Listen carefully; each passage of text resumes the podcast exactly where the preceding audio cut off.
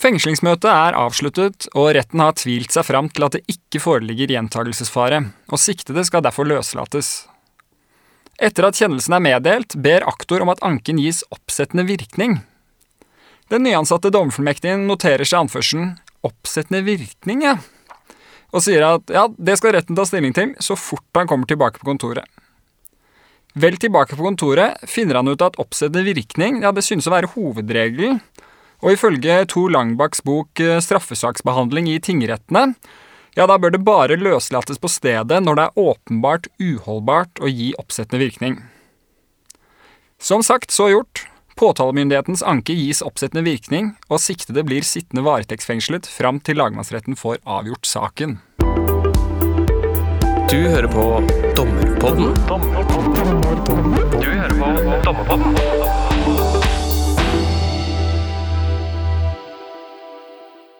Ja, velkommen til eh, Dommerpodden. Mitt navn er Mikkel Østdagen Hamar. Jeg er dommerfullmektig i Oslo tingrett, og, altså, og er også et helt rykende ferskt medlem av Dommerpoddens redaksjon. Og For å hjelpe oss med å utforske temaet oppsettende virkning, så har Dommerpodden i dag vært så heldig å fått besøk av Martin Eiebakke, tingrettsdommer i Oslo tingrett. I kronologisk rekkefølge så har eh, Martin vært daglig leder i Jussbuss, advokat i Stabel og Co., dommerfullmektig i Nedre Romerike tingrett, utvalgssekretær for Domstolskommisjonen, konstituert dommer i Oslo tingrett, og nå altså dommer i Oslo tingrett. God dag, Martin. Velkommen til Dompodden. Tusen takk for det. Um, dette her startet jo med at jeg Jeg tror jeg luftet noen spørsmål om oppsettende virkning i lunsjen eh, her for en tid tilbake siden. Og da ble det fort klart at du hadde et og annet å si om eh, det temaet. Eh, og hvor, hvor kommer dette engasjementet for oppsettende virkning eh, fra, Martin? Nei, det, var, det er jo et praktisk viktig spørsmål, som eh, du tok opp innledningsvis også, og i denne lunsjen vi møttes i. Og det er et spørsmål som kan virke smalt og, og sært, kanskje, for noen av lytterne ved første øyekast, men det er et spørsmål som egentlig illustrerer godt den grunnleggende funksjonen og rollen domstolene har, da, når det gjelder frihetsberøvelse og, og kontroll med den. Ja, all right. Eh, og før vi virkelig dykker ned i de oppsettende virkningers eh, irrganger, så eh, vil du kanskje si noe generelt om eh, domstolens rolle som kontrollør av tvangsmidler, eh, Martin? Ja, det vil jeg gjerne gjøre, og, og det er mye å si om det. Og, og vi skal i dag eh, snakke om oppsettende virkning, og da primært opp mot fengslingssaker, altså saker med varetekt. Og et viktig bakteppe tenker jeg å ha med seg, er, er domstolenes rolle mer sånn historisk sett når det gjelder eh, fengslinger og, og frihetsberøvelser. Og vi har For å starte med latinen, så har vi et gammelt prinsipp som kalles habeas corpus eh, om at domstolen skal eh, kunne kontrollere eh, lovligheten av at noen fengsles. Og det har røtter helt tilbake til eh, 1200-tallet og Magna Carta og blitt utviklet siden. Eh, og særlig siden slutten av 1600-tallet og frem til i dag i, i engelsk-amerikansk rett. Og helt kort fortalt så går det ut på at eh, den som er pågrepet, berøvet sin frihet, har krav på at man får møte fysisk få kroppen sin inn i en rettssal eh, og få prøvd lovligheten av den frihetsberøvelsen av en dommer. Og det skal verne, verne individet mot eh, vilkårlig utøvelse av makt, rett og slett. Og det er en veldig lang og viktig tradisjon som, som har mange forgreininger til, til utviklingen av rettsstaten vår, rett og slett. Nemlig. Så vi, vi står egentlig på ganske store skuldre da, når man sitter der midt i fengslingsuka si, og ting går unna, og eh, spørsmål om frihetsberøvelse skal avgjøres, så er det lange tradisjoner det er snakk om. Det er det, og, og det er jo Dette var jo en måte å begrense kongemakt på. Det, det er mye som kan sies om, om det langt tilbake som kanskje ikke er så relevant og, interessant i dag. Men det er også noen viktige, viktige forgreininger til nyere tid, og, og Dommerpoddens lyttere vil jo huske alle sammen, eh, tror jeg, eh, en stor konflikt som oppsto rundt eh, i starten av det man gjerne kalte krigen mot terror, den amerikanske krigen mot terror. Eh, og Guantánamo, interneringen der av, av, fanger. Og der var det jo lenge en, en lang disputt, juridisk disputt om hvor amerikanske myndigheter forsøkte å hindre at domstolene skulle føre kontroll med de fangene som var der, om de var der på lovlig vis. Og det var en avgjørelse som er, har vært eh, sett på som en sånn viktig revitalisering av domstolenes rolle i fengslingssaker, da, frihetsberøvelsessaker, som var fra amerikansk høyesterett i 2004. Eh, Rasul eh, mot Bush, som den het. Som handlet om et eh, i, i, essens på en måte revitaliserte, kan man si, dette prinsippet, og understreket betydningen av at en domstol prøver lovligheten. Og hvis lovligheten ikke er, er der, så skal en domstol løslate den siktede. Nemlig. Og så um og det, Da tenker man jo umiddelbart ofte på fengslingssakene. Og så er det jo sånn på slutten av eh, rettsmøtet, ikke sant. Man har eh, hver av både forsvarer og aktor holdt sine innlegg, og så sier eh, retten at man skal ta spørsmål opp til avgjørelse. Så dukker det opp denne lille halen oppsettende virkning. Og hva er egentlig oppsettende virkning for noe? Nei, Oppsettende virkning, hva, hva, er det for noe? Det har noen, eh, det har noen likhetstrekk som, som, mange av lytterne også vil, vil, eh, tenke på, tror jeg, til utsatt iverksettelse i forvaltningsretten. Men sånn helt kort fortalt så, så innebærer oppsettende virkning at man utsetter noe. Man oppsetter det, kan man godt si. Eh, og det betyr at virkningen av det man har besluttet, blir utsatt. Eh, I den grad det var noe mer presist for deg. Eh, når det gjelder fengslinger, så betyr jo det at hvis domstolen har besluttet at den siktede skal løslates, så venter man på en ankebehandling med å gjennomføre den løslatelsen. Ja, nemlig. Og har vi Hva er rettsgrunnlaget for å treffe den avgjørelsen? Ja, det er sånn Helt kort fortalt så er dette regulert i straffeprosesslovens 382. Og den gjelder da eh, ved alle anker, oversendelser og beslutninger, og ikke spesielt for fengslingsspørsmål. Sånn at det er sagt. Den er en generell regel hvor dette spørsmålet er ja, i store trekk regulert, kan man si. Eh, på den måten at eh, domstolen der har gitt en kompetanse til å bestemme at en anke over en beslutning eller en kjennelse skal gis oppsettende virkning.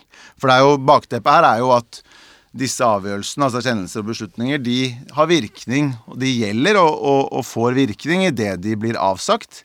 I motsetning til dommer i strafferetten, som får virkning først når det er rettskraftig, og da kan fullbyrdes. Nemlig. Eh, blir vi noe klokere, egentlig, av uh, altså denne, dette fenomenet oppsettende virkning ved å lese bestemmelsen i paragraf 382? Det er det jeg vil kalle et ledende spørsmål. Jeg, ja, det, men et godt ledende spørsmål. Jeg, jeg, skal ikke påstå at man blir så klok av, av, å lese lovteksten der uten videre.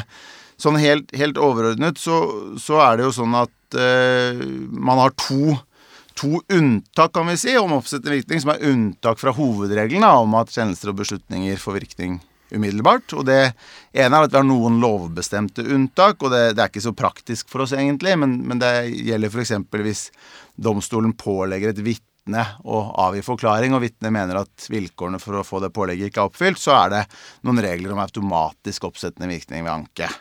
Sånn at uh, vitnet rett og slett kan få dette spørsmålet vurdert før uh, det må rent faktisk forklare seg for retten. Mens det praktisk viktigste for oss, da, og det som regulerer fengslinger, det er eh, det andre unntaket, hvor det heter i, i ordlyden i 382 første ledd at retten kan bestemme det. Altså retten kan bestemme at en anke skal gis beslutt, altså utsettende virkning. Ja, nemlig. Og, og, det er vel eh, det er egentlig der vi er i dag, da, ikke sant, i disse fengslingssakene. At retten bestemmer det. Eh, og så var jeg jo toucha inn på det i eh, introen her, at uh, Hva var det Langbakk skriver? At man skal eh, vise en viss ydmykhet eh, med å ikke gi oppsette virkning, og begrense det til de åpenbart uholdbare tilfellene. Så man kan jo si som så at det synes å være en praktisk hovedregel om oppsettende virkning. har jeg rett i det, Martin? Ja, det, det, er i hvert fall en formulering som, som, eh, er brukt noen ganger i uh, juridisk teori, og kanskje jeg vet ikke om jeg skal kalle Langebakk er nyere teori, men det er i hvert fall riktig at, uh, at, det er noe praksis, for å si det sånn. Men, men selve begrepet den praktiske hovedregel, det, det, er kanskje litt uklart, i hvert fall for meg, og, og jeg tror ikke det bringer oss så mye jeg, jeg, tror ikke det gjør oss så mye klokere. Um, det er jo litt eh, tilbake til det grunnleggende utgangspunktet, og det er jo at anke har ikke oppsettende virkning. Det er ikke noe holdepunkter heller for at hovedregelen er noe annet ved fengsling, som vi skal komme tilbake til. Men det, det er jo egentlig det grunnleggende utgangspunktet. Og så er det sånn at det er en viss praksis for at man eh, ofte gir oppsettende virkning, i hvert fall ved løslatelser.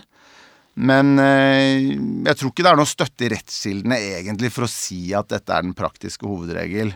Jeg sånn personlig har mer, mer sans for det, og, og, tror det står seg bedre det Andenes i sin tid formulerte, om at eh, dette er noe som ikke bør skje rutinemessig, som han skrev, og at eh, hvis dommeren føler seg overbevist om at det ikke er grunnlag for fengslingen, så bør siktede løslates helt uavhengig av anken.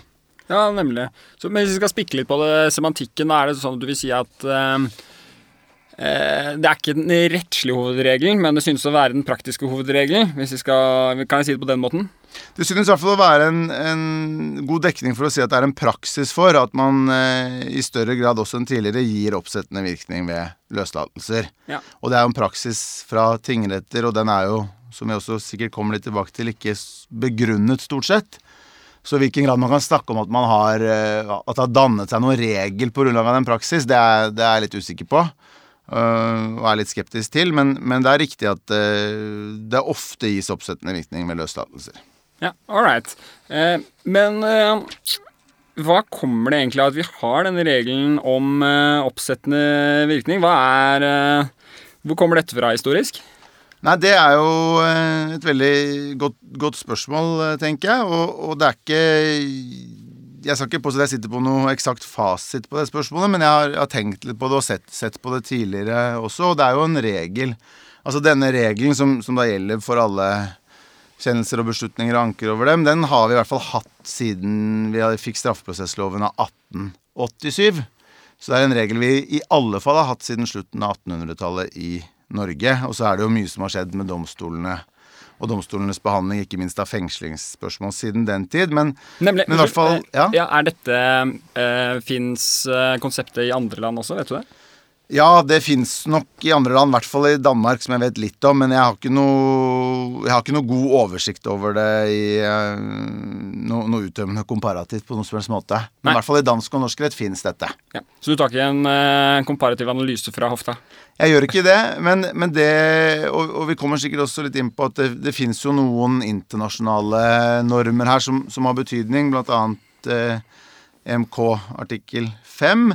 Men, men, dette med hvorfor vi har regelen En ting er hvor lenge vi har hatt den, men, men du spurte jo om hvor, hvorfor har vi hatt denne, eller fått denne regelen. Og da er det litt viktig å huske på, tror jeg, at utgangspunktet er at vi har en regel om at anke ikke eh, gis oppsettende virkning.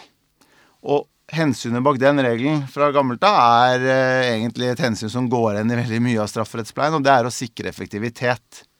Ja. Ønsker ikke å ha unødvendige treneringer og unødvendig prosess, men ønsker at ting skal gå fort. Det er viktig i strafferetten og straffeprosessen ofte. Og da er jo oppsettende virkning, hensynet bak det, er jo egentlig motsats. Altså det er en mindre effektiv prosess, på sett og vis, mm. for å høyne kvaliteten. Og i vår sammenheng gjerne legge til rette for en ordentlig fungerende ankeordning. Som vi vel må erkjenne, vi, begge vi to som jobber i tingretten, at kan bidra til bedre kvalitet. At avgjørelser kan bli undergitt ordentlig ankebehandling. Ja, Så det er et viktig hensyn når man snakker om om denne regelen. Men, men, og dette blir jo et langt svar til deg, men, men, men, det er jo tror jeg fortsatt ganske grunnleggende at disse hensynene passer ikke uten videre så godt på fengslingsspørsmål. For der er det gjerne sånn at du har to hensyn som står mot hverandre. Det ene er hensynet som skal begrunne fengslingen. Enten det er unndragelsesfare, gjentagelsesfare, som du var innom, eller bevisforspillelse, gjerne. Og så har du hensynet på den andre siden til det man kanskje litt svulstig kan kalle individets frihet, integritet. Altså ikke bli utsatt for en unødig frihetsberøvelse som står mot hverandre. Ja, ok. Og det er de hensynene vi egentlig må avveie når vi skal vurdere oppsettende virkning, vi dommere. Og vi har ikke noe hjelp sånn i det store fra lovgiver til å gjøre den avveiningen. Nei. Vil jeg hevde. Er det noen kilder eh, fra lovgiver som gir noe veiledning i spørsmålet?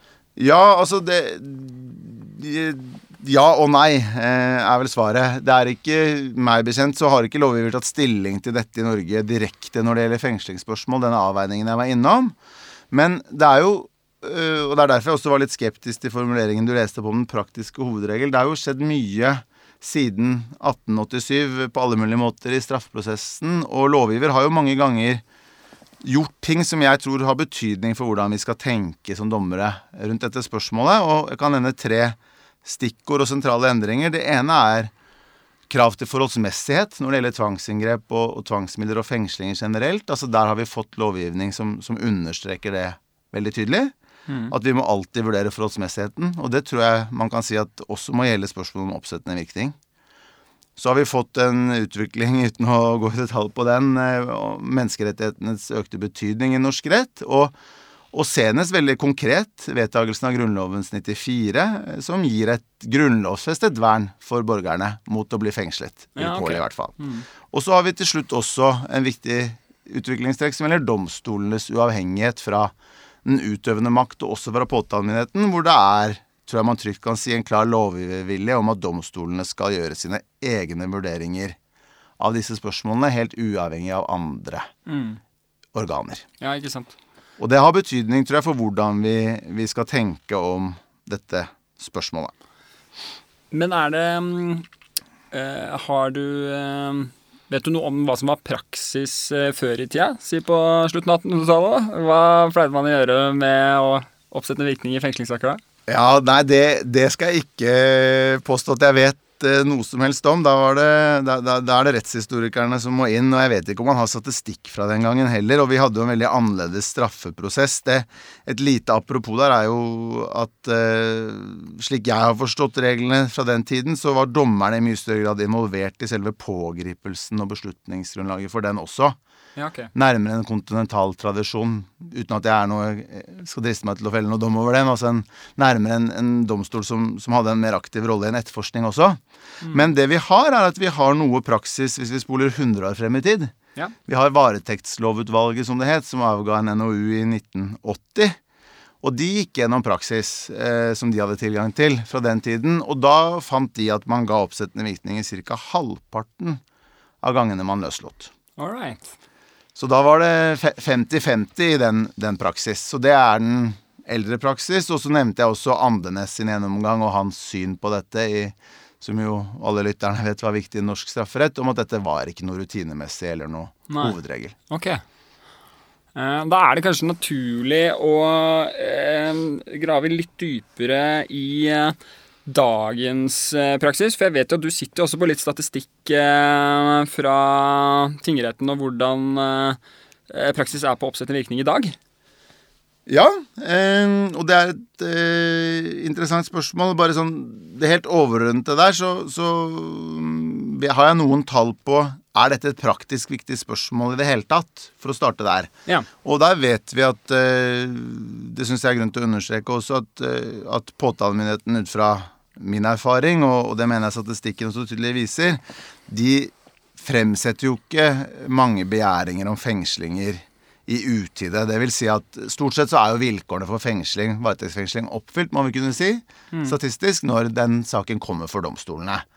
Men det er likevel ikke helt upraktisk at vilkårene etter domstolens syn ikke er oppfylt. Og, og når jeg har sett på tall fra Oslo tingrett eh, og noen andre undersøkelser, så ligger løslatelsesfrekvensen her omtrent på én av ti saker.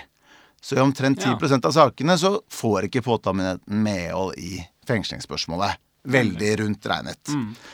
Uh, og så har vi da, og det er ikke mine tall, men, men det er en uh, Vitas på juridisk fakultet uh, i Oslo, offentligheten der, som nylig har levert en avhandling hvor han har sett mer på statistikk akkurat knyttet til oppsettende virkning. Han heter Tore Moen.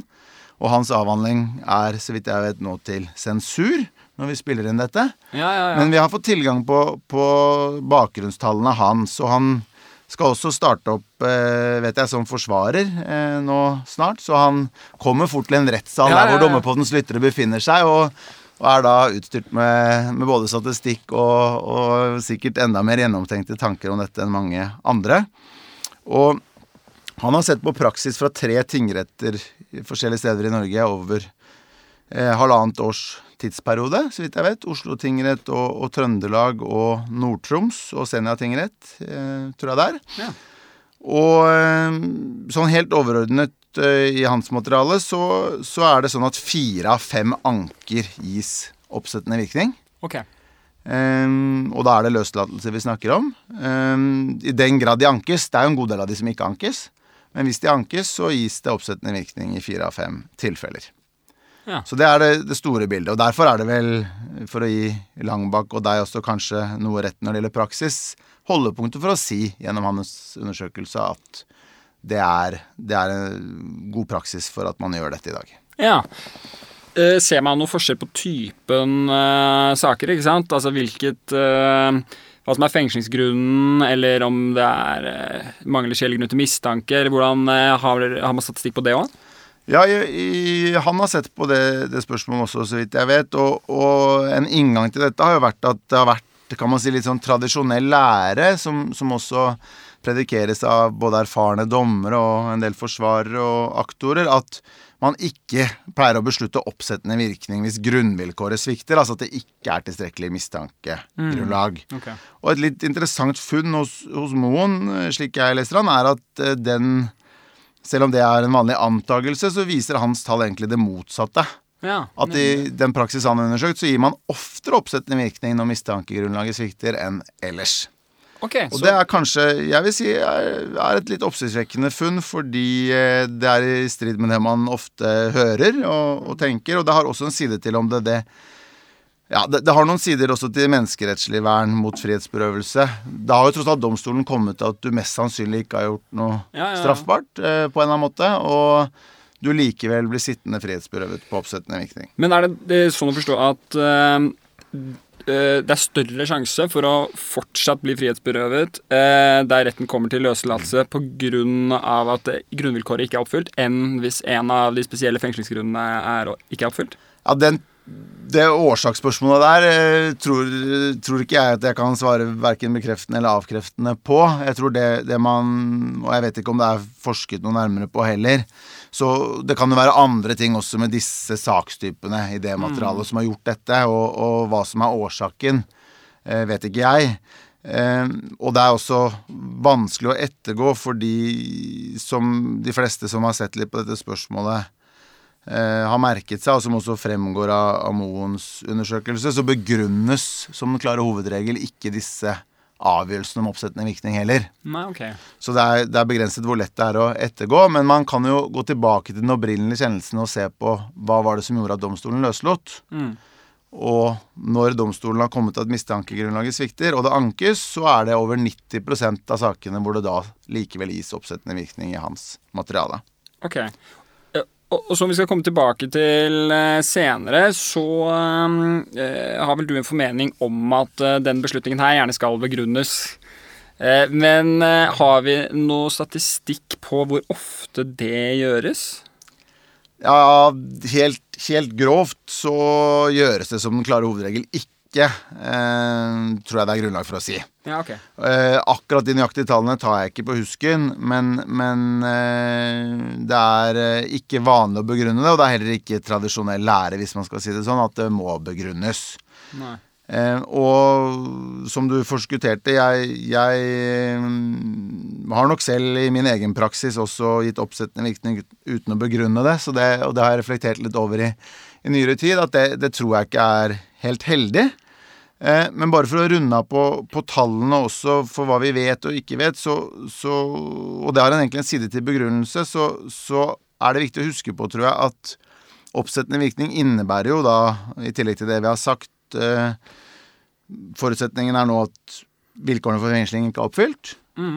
Skal egentlig løslates, ja. men at den siktede, den fremstilte, blir værende fredsberøvet. Og det er ikke snakk om noen timer. Det er gjennomgående snakk om dager. Og det er også tidvis snakk om en uke. Ja. Eh, og vi har også eksempler fra tidligere på at det går lengre tid enn det. Så det er, det er snakk om en frihetsberøvelse som ofte varer en god stund mm. etter at den beslutningen gis. Og grunnen til at jeg nevner det, er at eh, vi vet også at eh, selv om oppsettende virkning gis, så er det ikke sånn at eh, alle disse ankene reelt sett blir fulgt opp. En god del blir trukket av påtalemyndigheten. Og det er heller ikke alle av disse ankene som fører frem. Så vi sitter med en god del si, mennesker hvor, hvor domstolene til slutt, også påtalemyndigheten, mener at her var det ikke grunnlag for frihetsberøvelse. Men så har de likevel sittet frihetsberøvet ganske lenge, vil jeg påstå. Og jeg tenker at viktigere enn spørsmålet om man må begrunne det, så tenker jeg at det er grunn til å, å, å reflektere over i den rettsstaten vi lever i, da, og de kravene vi tenker om, om at makt må begrunnes generelt, eh, som, som, er en fin læresetning i en liberal rettsstat, så tror jeg at dette er en så inngripende beslutning mot et menneske at det i hvert fall er øker rettens legitimitet og tilliten til retten og til systemet som sådan at man velger å begrunne Ja. beslutningen. Selv om man har dårlig tid, og selv om det noen ganger er vanskelig å begrunne det. Og det, det stemmer jo i og for seg også ganske godt overens med norsk eh, rettstradisjon, da, hvor eh, eh, avgjørelseslegitimitet ofte nettopp kommer av at de er begrunnet og transparente, ikke sant? Eh, til forskjell fra, som jeg lærte i Dammepodden her for noen episoder, siden, eh, hvor eh, det var vel Jørn Sunde som mente at det ikke nødvendigvis var tradisjonen nede på kontinentet. Mens i Norge så er det jo på en måte det, åpenheten, da, som bidrar til legitimiteten. Så det høres eh, fornuftig ut. Og jeg tror det er, og det, det tror jeg er et veldig viktig poeng, og, og jeg tror også at eh, det gjelder både begrunnelse, men også at man sikrer kontradiksjon i disse sakene, som noen ganger er ganske vanskelig å få til. Mm. Jeg tror begge, begge deler er veldig viktig, og jeg tror ikke det er så lurt for domstolen og for dommere egentlig å tenke på om man det, det er godt mulig at man kan la være å begrunne, og det er godt mulig at man kan la være å ha kontradiksjon uten at det vil lede til noe opphevelse i seg selv her, for disse avgjørelsene kan kanskje ikke ankes, og de blir i hvert fall ikke anket. Men det er nok eh, med tanke på hvordan vi begrunner ting ellers, alt fra småkrav til ganske små straffesaker, og kanskje overbegrunner ting, så tror jeg det er grunn til å stoppe opp her og tenke at dette er en form for utøvelse av makt og myndighet som domstolene bør begrunne. Det tror jeg er det overordnede hensynet. Når vi er på dette med kontradiksjon, eh, så har jeg, jeg kommer rett fra en fengslingsuke her i Oslo tingrett. Og eh, da eh, blir spørsmålet hvordan skal man ivareta denne kontradiksjonen? Eh, fordi at eh, det og jeg har forsket litt på gangen på min avdeling, så jeg spurte litt hvordan gjør de ulike dommerne dette. ikke sant? Man avslutter eh, fengslingsmøtet, og så hvordan skal man eventuelt sikre kontradiksjon rundt en beslutning om oppsettende virkning. Og hvis man velger å gjøre det i rettsmøtet, spørre aktor eh, ved løslatelse kommer dere til å anke, og i så fall ber dere om oppsettende virkning, så vil jo aktor si eh, ja, vi kommer til å anke, og vi ber om oppsettende virkning. Og så eh, stilte jeg spørsmålet ja, eh, hva er begrunnelsen for oppsettende virkning? Og det er jo et spørsmål som egentlig ikke gir mening på det tidspunktet, for da vil aktor si Nei, fordi altså, nettopp samme grunn som vi ber om eh, fengsling. Og så snur jeg meg til forsvarer, og så spør jeg ja, er du for eller mot oppsettende virkning, forsvarer? Så sier forsvarer eh, Nei, det er vi selvfølgelig imot, og av de samme grunner som at vi mener at han ikke skal fengsles. Så den kontradiksjonsrunden der blir jo nokså illusorisk, egentlig, da. Eh, har du noen tanker om hvordan det kan Rent praktisk, da. Hvordan kan man gjøre det på en annen måte for å ivareta formålet med å sikre kontradiksjon, egentlig? Ja, jeg tror det, det du peker på og, og det du redegjør for her, tror jeg treffer veldig mange dommere og treffer veldig mange som eh, sitter og behandler fengslingssaker. At dette er krevende å få til på en god måte i praksis, uansett hva slags intensjoner man har. Og jeg vil egentlig nå til at man spoler tilbake til det vi startet å snakke om, fordi dette løses, vil jeg påstå, ganske godt hvis vi husker på den jålete, holdt jeg på å si, latinen jeg startet med habeas corpus. Fordi hva er det som er poenget? Jo, i disse sakene vil jeg hevde så er det viktigere enn i veldig mange andre saker at den som er frihetsberøvet, og forsvareren, og forstått også aktor, møter fysisk for en dommer. Kroppen inn i rettssalen. Og avsies disse avgjørelsene, som jeg mener de som hovedregel bør, i rettsmøtet hvor den frihetsberøvede er til stede med forsvarer, så er ikke kontradiksjonen så vanskelig å få til. Nei. Da trenger man ikke å ta opp dette spørsmålet før slutningen er lest opp. Nei. Da kan man spørre aktor, etter at aktor kanskje ideelt sett får en pause, og det er ikke så ofte vi ender opp med en løslatelse her, så da bør vi kanskje ta oss tid til å la det synke litt inn, og la aktor også fordøye den begrunnelsen som er gitt. Hvis det ankes og begjæres oppsettende virkning, så bør da Forsvaret få lov til å uttale seg om spørsmålet. Og det er jo litt annerledes eh, Det, det kan jo være ting domstolen har sett som ikke noen av aktørene har tenkt på, eller som ikke nemlig påtalemyndigheten tok høyde for. Og det kan også være ting som aktor vil si at eh, gjør at man med styrke vil eh, argumentere for oppsettende virkning, og at det her er viktig at lagmannsretten får sett på spørsmålet før løslatelsen eventuelt effektueres. Så det, det, det jeg mener løser mye av dette. Men så vet jeg jo også fra min praktiske dommerhverdag at det er ikke alltid man får til dette. Nei. Og, og det er nok et inntrykk mange har at man i praksis ikke sikrer kontradiksjon da, alltid. Og da er det jo måter man Og jeg skal ikke påstå at man alltid må gjøre det. Jeg tror eh, man kan støte an på noen problemer rent menneskerettslig, tror jeg, hvis eh, man ikke gjør det i noen spesielle situasjoner. Okay. Eksempel hvis det er snakk om isolasjon, hvis det er snakk om at dette mistankegrunnlaget har sviktet, og man egentlig begynner å utfordre eh, menneskerettighetene ordentlig på, på frihetsberøvelse, og man da heller ikke åpner for kontradiksjon eller begrunnelse på oppsettende virkning. Ja. Men det er nok unntakstilfeller, så stort sett så, så, så står det seg kanskje, i hvert fall etter internretten, å ikke ha den runden. Men jeg tror som sagt man bør ha den, og jeg tror det, det fysiske rettsmøtet her er viktig. Får man ikke det til, så får man jo eventuelt ringe aktor, og så deretter ringe forsvarer. Eller la de kommentere det skriftlig, om nødvendig. Ja. Men det er en krevende øvelse, og den blir, den blir mye lettere hvis man rent faktisk gjennomfører dette i et fysisk fengslingsmøte, ja, ikke sant. vil jeg si. Så, så det er eh, Og så vet jeg at det, som jeg mener inne på, det er ikke alltid så lett, og det er jo klart at dette er jo vurderinger som må gå fort, og må skje under tidspress. Sånn er det. Ja, ikke sant. Men der har du i hvert fall en idealløsning, om ikke annet. Ja, og, og det er jo det, Jeg syns det er viktig å huske på jeg, jeg tror vi mange ganger så overvurderer vi betydningen av det fysiske rettsmøtet, og, og koronapandemien har også lært oss mye om at vi får til ting veldig godt utenom det. Men akkurat denne kontrollen her med en frihetsberøvelse, den, den tror jeg bør, bør skje fysisk. Og jeg syns det er verdt også å gjøre seg noen tanker om at vi, vi har jo veldig mye bruk av varetekt i Norge generelt som er veldig kritisert internasjonalt. Jeg skal ikke si at det er et særnorsk fenomen, men vi har ganske mye frihetsberøvelse i vår straffeprosess. Ja. Og, og domstolene har nok opp igjennom, vil jeg tillate meg å si, ikke vært så gode til å fange opp svakhetene, da, eller utøve en god kontroll av den frihetsberøvelsen i straffeprosessens spor. Ja. Og jeg tenker da på, for å være mer konkret, altså vi har hatt langvarig kritikk mot isolasjonsbruken, glattcellebruken tidligere, vi har hatt eh, spørsmål rundt barn som frihetsberøves på utlendingsinternat osv.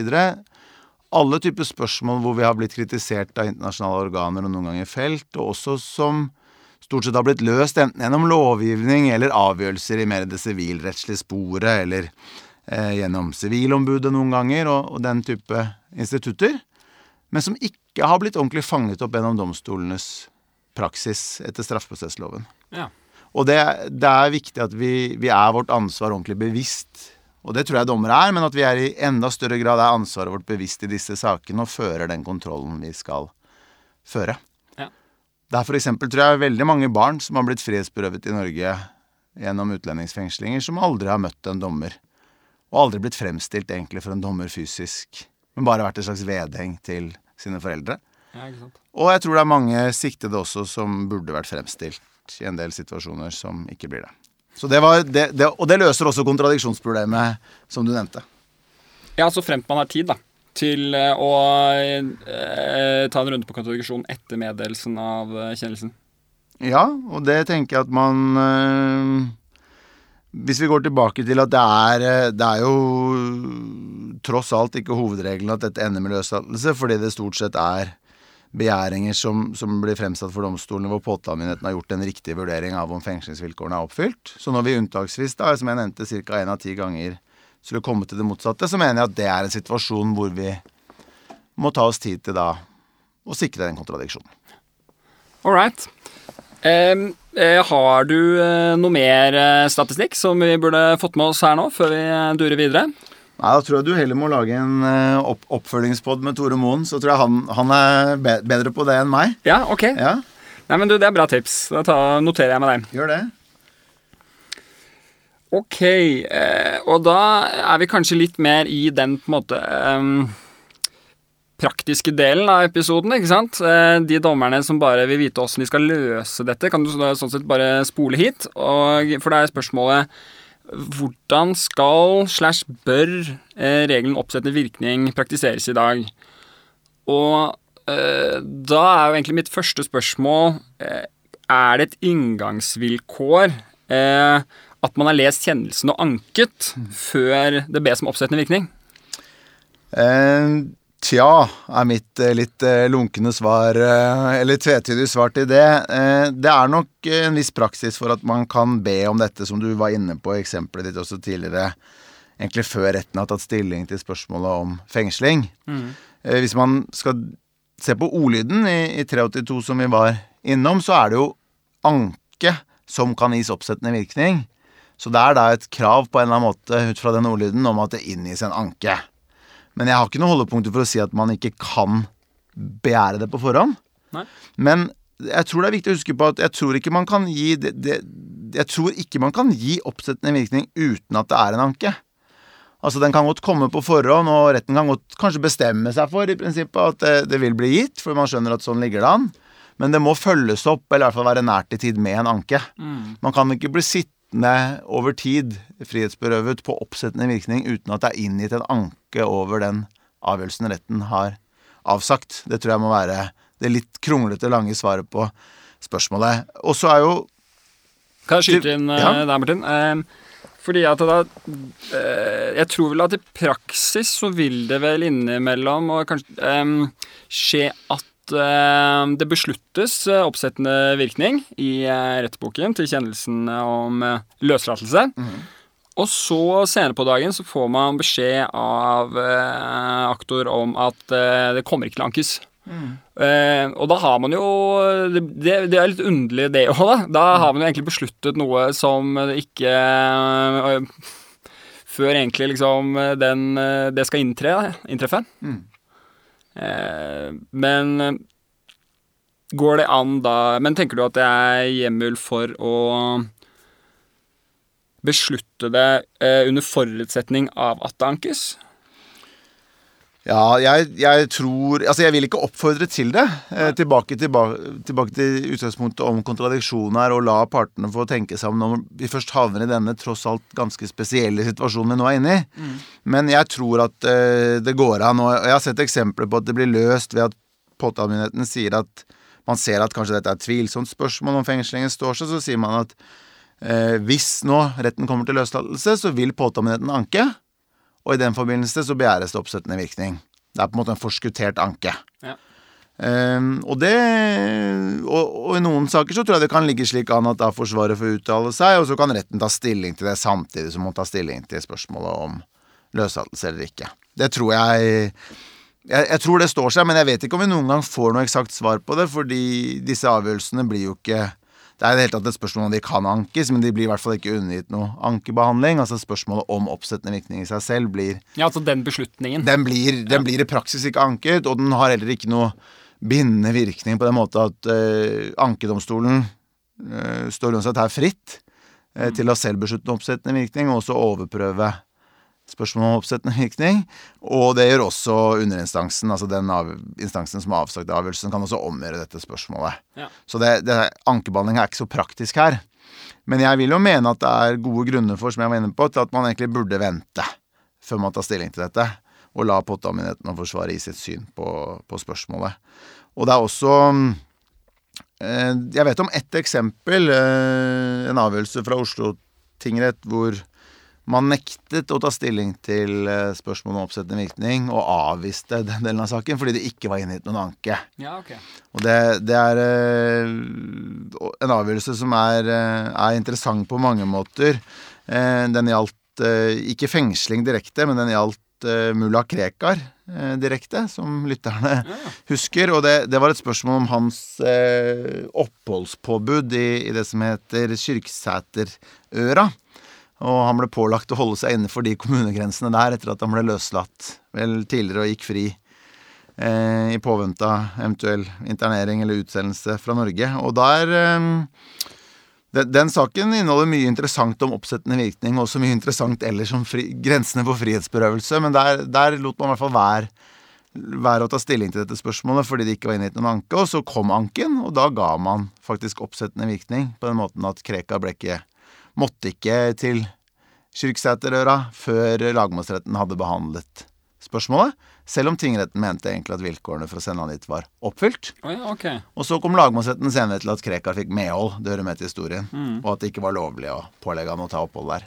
Men det var egentlig da et tilfelle der det er snudd på hodet, ikke sant? At uh, man sier at uh, her skal det frihetsberøves, uh, så bes det om oppsettende virkning, og så sier vi at ja, ok, vi gir oppsettende virkning, og du får gå fri fram til eh, ankedomstolen har behandlet spørsmål om frihetsberøvelse. Og det er jo egentlig stikk motsatt av det som er eh, de tilfellene som vi vanligvis har oppe, er det ikke det?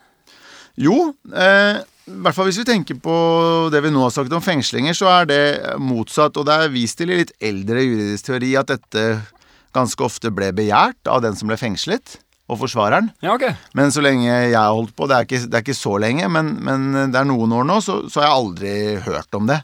Jeg har aldri opplevd det, og aldri gjort det selv som advokat, og heller aldri opplevd det som dommer, at uh, påtalemyndigheten får medhold i en fengsling, og så sier forsvarer, eller den som blir fengslet selv, at uh, ja, det anker vi, og vi krever at det gis oppsettende virkning, og at vi får gå fri, eller siktede får gå fri på påvente av en ankebehandling. Men Krekar er jo da Nå skal jeg ikke si sikkert at man skal kalle det han ble utsatt for en frihetsberøvelse, men det er i hvert fall et form for tvangsmiddel og Ja, innskrenkning av hans frihet på en eller annen måte. Men, men det er et eksempel, og, og det er vist til tidligere at det ikke var så uvanlig at ble bedt om. Men det ligger vel litt i, i de strenge fengslingsvilkårene og, og disse vurderingene vi skal gjøre, at hvis domstolen først kommer til at de er oppfylt, så skal det nok litt til at man tenker etterpå at det er fornuftig å gi oppsettende virkning og la siktede likevel gå fri frem til en ankebehandling. Men jeg har tenkt på en, en situasjon som jeg tro, tror det kan være mer aktuelt enn ellers, og det er kanskje fengslinger etter straffeprosessloven 172, altså rettshåndhevelsesarrest. Okay. Typisk fengsling etter dom hvor, eh, hvor vi tenker på at det er støtende mot allmennheten, som er deler av ordlyden i 172, at siktede går fri. Altså hvor fengslingen ikke er begrunnet med noe bevisforspillelse eller unndragelse eller gjentagelsesfare. Og i de situasjonene, det er jo spesielle typer fengslinger, men da kunne man kanskje tenkt seg at eh, domstolen, eller underinstansen, hvis man kommer til, og kanskje under noe tvil at vilkårene for slik fengsling er oppfylt, så kan man kanskje la siktede likevel gå fri inntil ankedomstolen har behandlet det, for det er ikke noe veldig stort tap kanskje som skjer i påvente av en ankebehandling. Nei. Man frykter ikke at man vil stikke av eller ødelegge bevis eller den slags, eller enda verre kanskje gjenta nye alvorlige straffbare handlinger. Og det er gjerne den type ting som gjør at jeg tror dommere flest ofte gir oppsettende virkning, at, at de spesielle fengselsvilkårene er oppfylt, eller i hvert fall man er i tvil om de er oppfylt, og, og det som kan skje hvis man ikke gir oppsettende virkning og har vurdert spørsmålet feil, er på en måte en slags uopprettelig skade. Ja. Enten at etterforskningen ødelegges helt, eller at eh, det gjentas ny kriminalitet, eller at man stikker, da. Flykter. Så, men, men det gjelder kanskje ikke disse 172-sakene. Men, eh, men jeg tror eh, eh, Ellers så tror jeg ikke det er så praktisk, eh, men, det, men det er også en, et tankekors, da. Det ble et lang, langt svar på spørsmålet ditt, for oppsettende virkning av mange ja. forgreininger. Men, men, men det jeg nevnte innledningsvis, at noen dommere vil kjenne igjen at dette har, og andre lyttere av dommer på den, har likhetstrekk på sett og vis med utsatt iverksettelse i forvaltningsretten. Og der, der er jo dette egentlig et tankekors, fordi der brukes jo det i hvert fall relativt ofte for å unngå at personer, eller selskaper for den saks skyld, altså unngå at borgere blir utsatt for et inngrep før klageinstansen har tatt stilling til spørsmålet. Og da Det er egentlig helt motsatt. Altså, eller det passer bedre på den situasjonen at vi fengsler, da, og så gir oppsettende virkning. Fordi det vi gjør i straffeprosessen stort sett, hvis man skal sette det litt på spissen, det er at vi lar politiet, påtalemyndigheten, fortsette med sitt tvangsinngrep overfor borgeren i en situasjon hvor domstolen mener at inngrepet er ulovlig, eller i hvert fall ikke lovhjemlet, i påvente av en ankebehandling. Så hvis vi skal sette det helt på spissen, så, så gjør vi egentlig det motsatte der av det man vanligvis bruker utsatt iverksettelse til. Altså vi lar eh, Vi driver ikke og utsetter det som er rett, kan man kanskje si, men vi iverksetter en urett Ja. på sett og vis. Og det, det er eh, derfor jeg tror det er viktig å huske på hovedregelen og domstolens funksjon her òg, som er å påse på vegne av individet, men også påse på vegne av samfunnet at eh, den enkelte ikke utsettes for en ulovlig frihetsberøvelse. Ja. Og det kan tilsi, da, for å gå tilbake til spørsmålet ditt, at man eh, kanskje åpner for å tenke denne med større grad. Kanskje man bør bruke oppsettende virkning i noen situasjoner. for å la være å utsette individet for en frihetsberøvelse inntil lagmannsretten har sagt sitt. Ja. I disse tilfellene hvor du egentlig har ment at det skal frihetsberøves. Kanskje. Ja, ikke sant? Det, det er i hvert fall ikke fjernt hvis man tenker analogien til forvaltningsretten. Nei, nei, nei.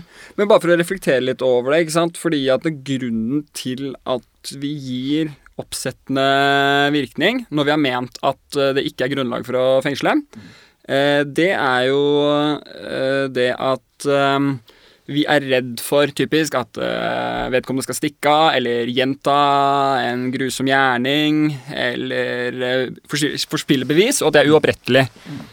Men så kan vi også se, snu på flisa og si at eh, vi mener at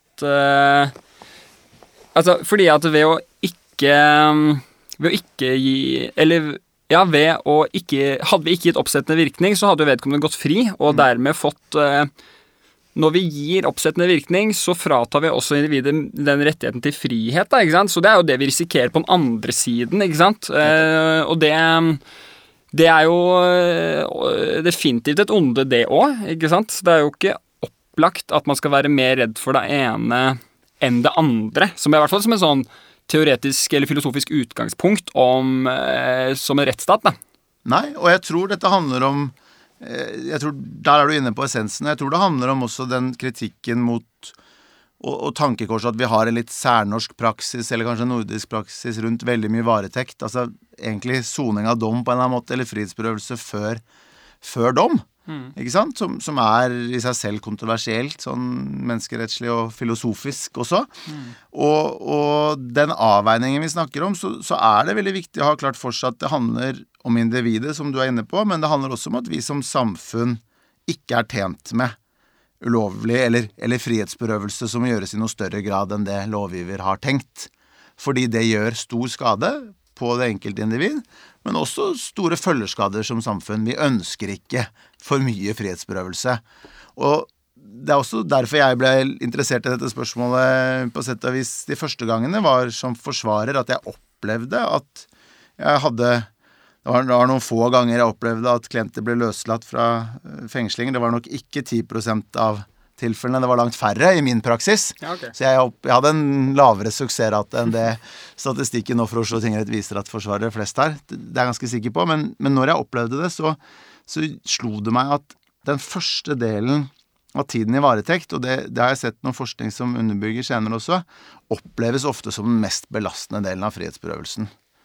Og kanskje særlig for mennesker som heller ikke har hatt noen kontakt med strafferettsapparatet før, og som plutselig blir fengslet. Domstolen kommer til at det var ikke riktig. Så blir de sittende frihetsberøvet kanskje en uke, eller i hvert fall to-tre dager, på oppsettende virkning. Det gjør stor skade, og jeg tror det er viktig å huske på at det gjør også kanskje uopprettelig skade i menneskers liv. Så det er et, tungt ansvar for en dommer å også, mener jeg, gi oppsettende virkning. Hvis man først har kommet til at her var det egentlig ikke vilkårene oppfylt for fengsling. Ja? Og vi må ikke gjøre det bare fordi eh, Hva skal man si? Bare fordi vi tenker at vi Påtalemyndigheten stort sett har rett, på sett og vis. Sånn, sånn kan ikke en domstol operere. Nei, vi må gjøre en egen vurdering av det spørsmålet, vil jeg hevde. Opplagt. Hmm. Ok. Um, jeg lovet jo at em, vi hadde spolt fram til den praktiske delen av podkasten. Ja, vi må komme dit. Og, og der må jeg rett og slett em, eh, innrømme at jeg forskutt, var, var litt tidlig på avtrekkeren. Eh, for nå ble det Men eh, dette var fint. Og, eh, men da går, jeg- går jeg litt mer sånn OK. Eh, har vi noen kriterier? Eh, ja eller nei? Trengs det kontradiksjon og begrunnelse? Det trengs, men vi har jo ikke så mange kriterier. Nei. Nei, Ikke sant? det er riktig.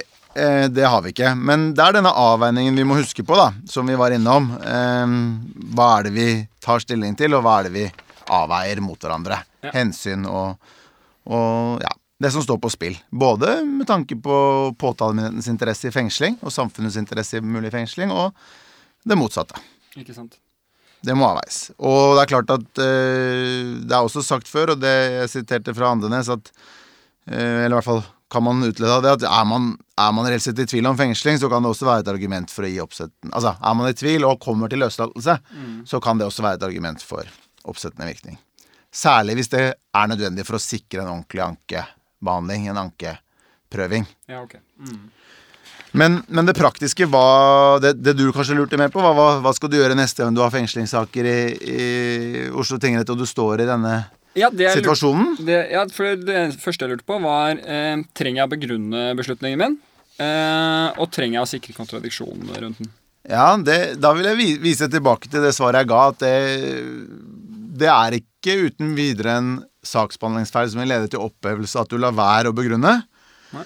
Og heller ikke at du lar være å ha kontradiksjon, men dette er en type inngrep som eh, tilsier at du bør begrunne og bør sikre kontradiksjon. Og du løser det best ved å huske på at disse sakstypene så bør vi hegne om prinsippet om fysisk oppmøte Ja. for alle tilstedeværende. Ikke sant? Det mener jeg løser det. Um, og eh, har vi noe som ligner en vurderingsnorm uh, for disse tilfellene? Uh, jeg tror svaret på det er nei. Det er rettens, eh, rettens eh, det, det ligger til retten å bestemme. Det er hvis retten beslutter det. Lovgiver har ikke gitt oss noen nærmere vurderingsnorm. Jeg nevnte noen unntakstilfeller, kanskje, hvor menneskerettighetene holdt jeg på å si, slår inn for fullt, øh, og hvor det er ting vi må begrunne. Et eksempel her kan være hvis man kommer til at det ikke er tilstrekkelig mistanke. Ja. Eh, Så tror jeg at eh, en frihetsberøvelse videre ikke står seg uten at man i hvert fall begrunner hvorfor den er nødvendig for å sikre noe av de spesielle fengslingsvilkårene. Da må det i hvert fall være at retten mener at her vil vedkommende mest sannsynlig unndra seg eller gjenta noen straffbare handlinger eller forspille bevis. Så hvis den opprinnelige kjennelsen har stoppet ved at det er ikke skjellig grunn, og det gir ikke noen ytterligere begrunnelse, man løslater, det bes om oppsettende virkning, og så bare gir man oppsettende virkning uten å ha begrunnet noe, da tror jeg man kanskje støtter an på noen mer overordnede normer, og, og at det ikke står seg uten begrunnelse. Men, men du må ikke ellers, tror jeg. Eh, kanskje med noen unntak, men, men du bør. Ja, ok. Nemlig. Um, vil du si noe mer om typetilfeller, eh, Martin?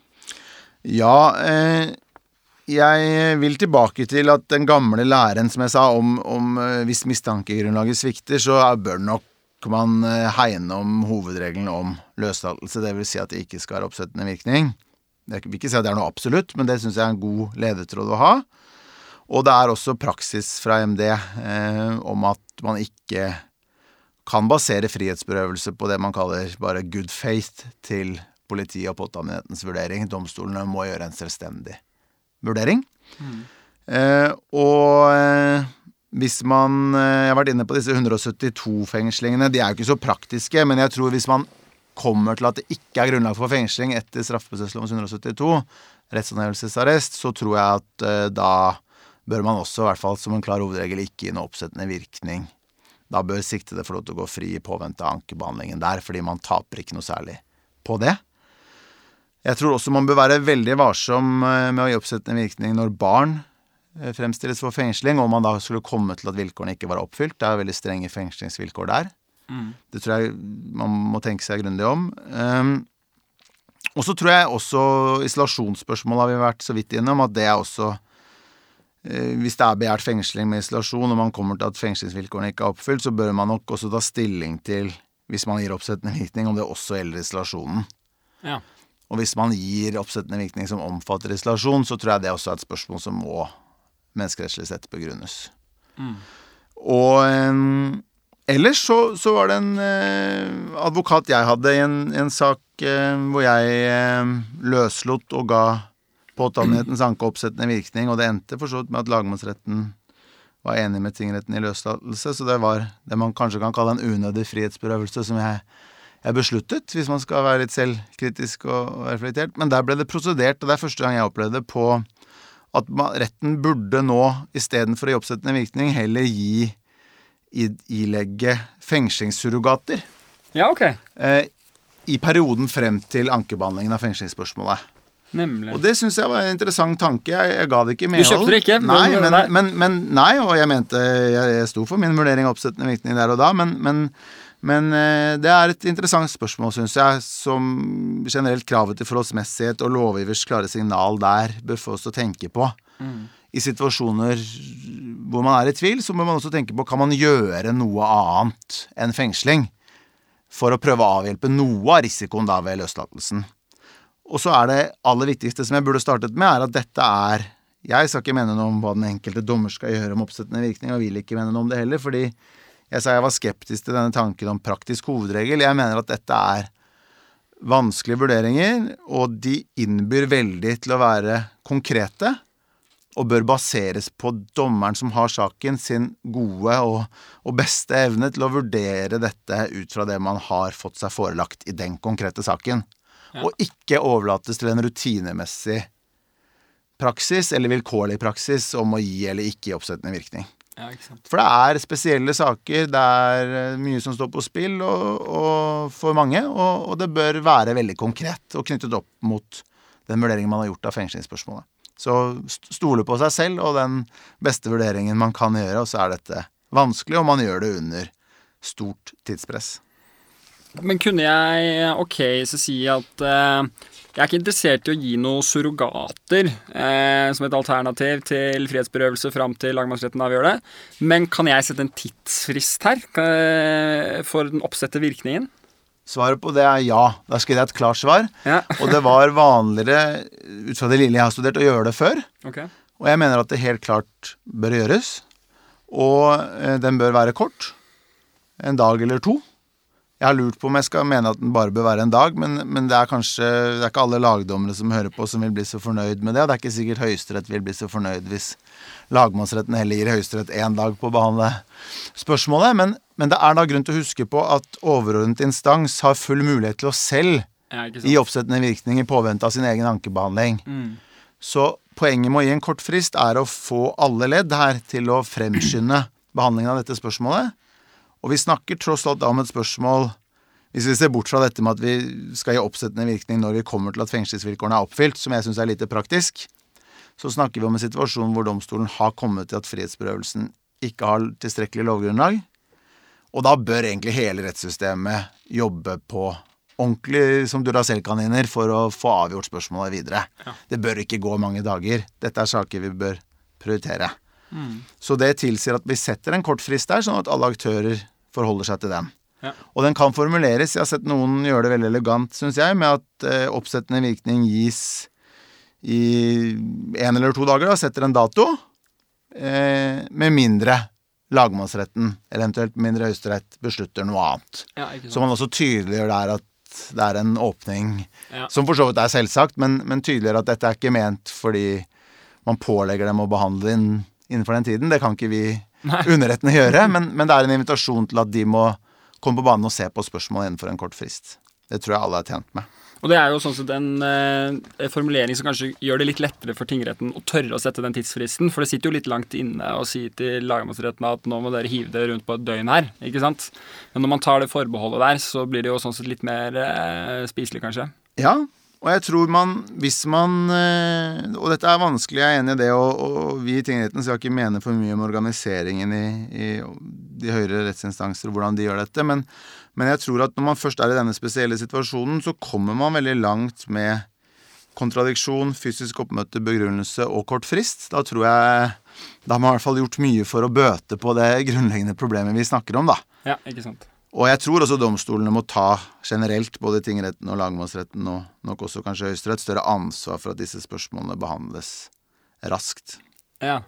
Er det da eh, du, du, sier at domstolene har ansvar. Er det, hva, hva, kan, eh, hvis du skulle prøvd å Har du noen tanker om hva påtalemyndigheten og forsvaret, forsvaret kunne gjort? Um, ja, det, det jeg har noen tanker om det, men jeg har ikke noen eh, Jeg har ikke noen løsning, og det, dette tror jeg vi, vi, har ikke noen klare løsninger på dette dilemmaet man står overfor, og jeg tror man også trenger oppsettende virkning i noen situasjoner, så jeg, jeg skal ikke mene, for mye om, om, hva andre skal gjøre, men jeg tror det er verdt å ha med seg at det er en et stort ansvar, vil jeg si, hos påtalemyndigheten når man, når man eh, begjærer oppsettende virkning. Og jeg syns det er fornuftig at man har hørt begrunnelsen for løslatelsen før man gjør det. Eh, og det er også litt sånn Det er et stort tema i seg selv, men det er også verdt å ha med seg her at disse sakene er nok i mindre grad enn mange andre saker underlagt noe veldig kvalitetskontroll fra den høyere påtalemyndighet. Dette skjer jo, Disse fengslingene behandles jo gjerne veldig raskt, og det skjer jo gjerne egentlig i den delen av påtalemyndigheten som er ganske integrert med politiet, for å bruke de ordene. Og det er ofte de som får ansvaret for disse tvangsmidlene, er ofte veldig tett på etterforskningen. Ja. Og de interessene som er helt legitime i at etterforskningen skal på en måte gå sin gang, og da kan varetekt være en nødvendighet, eller i hvert fall oppleves som det i den etterforskningen. Så det er også noe å huske på for domstolen at det, dette må gå fort på påtalestadiet, og selvfølgelig gjøres det et kvalitetsarbeid der, men, men vi må ikke lene oss på at det er, det er ikke sånn at det har vært en grundig behandling hvor dette har gått opp og blitt et påtalevedtak hos en statsadvokat, og kanskje Riksadvokaten har vært inne og sånn. Det er ikke sånn, ut fra mitt inntrykk, da det fungerer når det gjelder disse spørsmålene. Nei, ikke sant. Og det samme med forsvarer. De kommer også ofte inn veldig sent i disse sakene. Ja. Eh, Det er et korte tidsfrister for dem òg, ikke alltid så mye de får gjort før dette spørsmålet kommer opp. Nei. Og jeg tror også kanskje de noen ganger er så glad hvis det først blir en løslatelse. Mm. da på vegne av klient og at de har oppnådd noe i en fengslingssak. At de kanskje ikke legger støtet inn på oppsettende virkning. Så jeg syns det er Også det tilsier at det er domstolene som må ta ansvaret her, og være sitt ansvar veldig bevisst. Og det er dette utgangspunktet om det rettsstatlige om å verne borgerne. Og det er vanskelig når vi behandler disse sakene. og jeg vet også det får begge vi to forhåpentligvis glede av, at eh, Oslo tingrett har, har jo på trappene en, en mer sånn helhetlig gjennomgang av hvordan vi behandler tvangsmidlene mer generelt. Ja, ok. Hvor vi skal bore mer i å, å tenke rundt, og også invitere aktører inn, slik jeg oppfatter det, til å bedre kvaliteten. Eh, og utvikle oss i hvordan vi også fyller denne delen av vår funksjon, da. Ja, ikke sant. Nei, Det hørtes jo veldig nyttig ut. Da er du involvert i det, Martin? Nei, ikke noe direkte. Jeg vil gjerne kan Vi, vi, vi får snakke her begge to og me melde oss inn. Eh, Har vi snakket oss inn eller ut av det nå? Snakke oss inn i det, begge to, Mikkel, syns jeg. Men eh, det er ikke Det, er- det er arbeid som akkurat er, er besluttet at vi skal se på med tiden. Så det, er, det, er, det får gå i ro og mak. Men eh, jeg håper mange, mange melder seg på det. Også mange andre rundt i Domstols-Norge som jeg tror har masse å spille inn i disse spørsmålene. og liksom utvikle også denne vi, vi driver mye med bra utviklingsarbeid i domstolene, men også denne siden av virksomheten, hvis vi skal si det sånn, kan vi jobbe med å gjøre enda bedre. Ja, Nei, ikke sant. Nei, men du, Da tror jeg vi sier eh, takk for i dag. Tusen takk for at du ville komme, Martin. Det var veldig interessant å prate med deg i dag. Ja, tusen takk for at vi kom her. Lykke til videre i Dommepoden. Takk for det. Jeg heter eh, Mikkel Østhagen Hamar og er en av tre i Dommepoddens redaksjon sammen med Ola Berg Lande og Ragnar Lindefjell. Vi høres. Du har hørt på Dommepodden. Dommepodden er en podkast fra Norges domstoler og er først og fremst ment som et kompetansetiltak for dommere. Hvis du har ris, ros, forslag til temaer eller folk vi kan prate med, så er vi glad for å høre fra deg, og da kan vi nås på podkast at domstol.no. Ha en god dømmende hverdag så lenge. Vi høres.